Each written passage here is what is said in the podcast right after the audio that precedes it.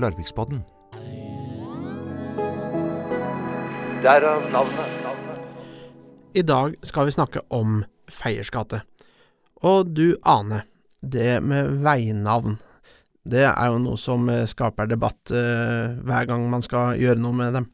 Eh, det har vi jo sett de siste åra i forbindelse med kommunesammenslåing, annet når man skal da velge hvor Kongens gate skal være og sånt.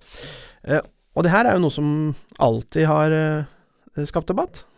Ja, eh, på slutten av 1870-tallet så eh, vet vi at det skapte store bølger i det politiske klimaet i, i Larvik. Eh, for da skulle man ha en ordentlig gjennomgang av gatenavnene. Eh, man, både å stadfeste mange av de gatenavnene som allerede fantes, men eh, så var det også en del gatenavn som, som mange mente at ikke passa seg lenger.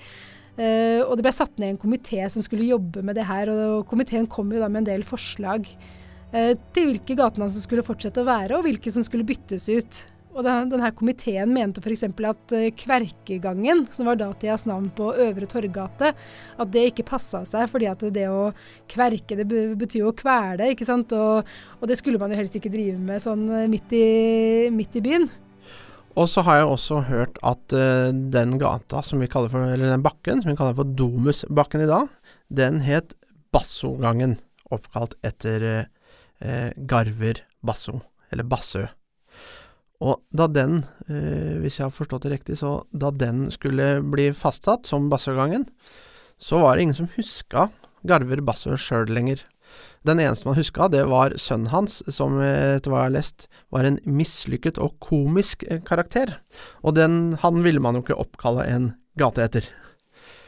Men Feiers gate, eh, som er det politiske maktsentrumet i Larvik, må vi kunne si, der, der eh, holder jo kommunens administrasjon til, og, og rådmann, og varaordfører sitter der, og ordføreren sitter der. Og den har jo også en uh, litt spesiell uh, historie. Ja, det, den kom jo da opp i den samme, samme situasjonen uh, hvor man da skulle endre gatenavn på slutten av 1870-tallet.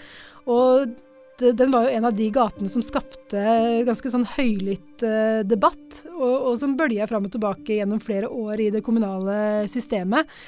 Eh, og man hadde et forslag om å, om å døpe om gata fra Feiers gate og til Prøys gate, etter bokhandler Prøys. Men det ville kona bare være med på hvis forslaget ble vedtatt enstemmig. Og det var ingen enstemmighet i de sakene her. Her var det mye, mye krangling. Og eh, så kom jo da navnet Feiers, eh, Feiers gate opp. og alle trodde jo da at, uh, at Feiers gate var oppkalt etter uh, Feier, som da var fogd i Larvik fra 1825 til 1834. Og som da seinere ble valgt inn på Stortinget fra Jarlsberg og Larvik amt. Eh, det var jo han, eh, han man, som gata antagelig var, eh, var, oppkalt etter. Men det her skapte jo også store bølger, fordi at noen mente at det at gata skulle hete Feiers gate når, når denne, denne, fogden da hadde bodd et helt annet sted i byen, nemlig på, på Underspo, så, så var ikke det navnet egna.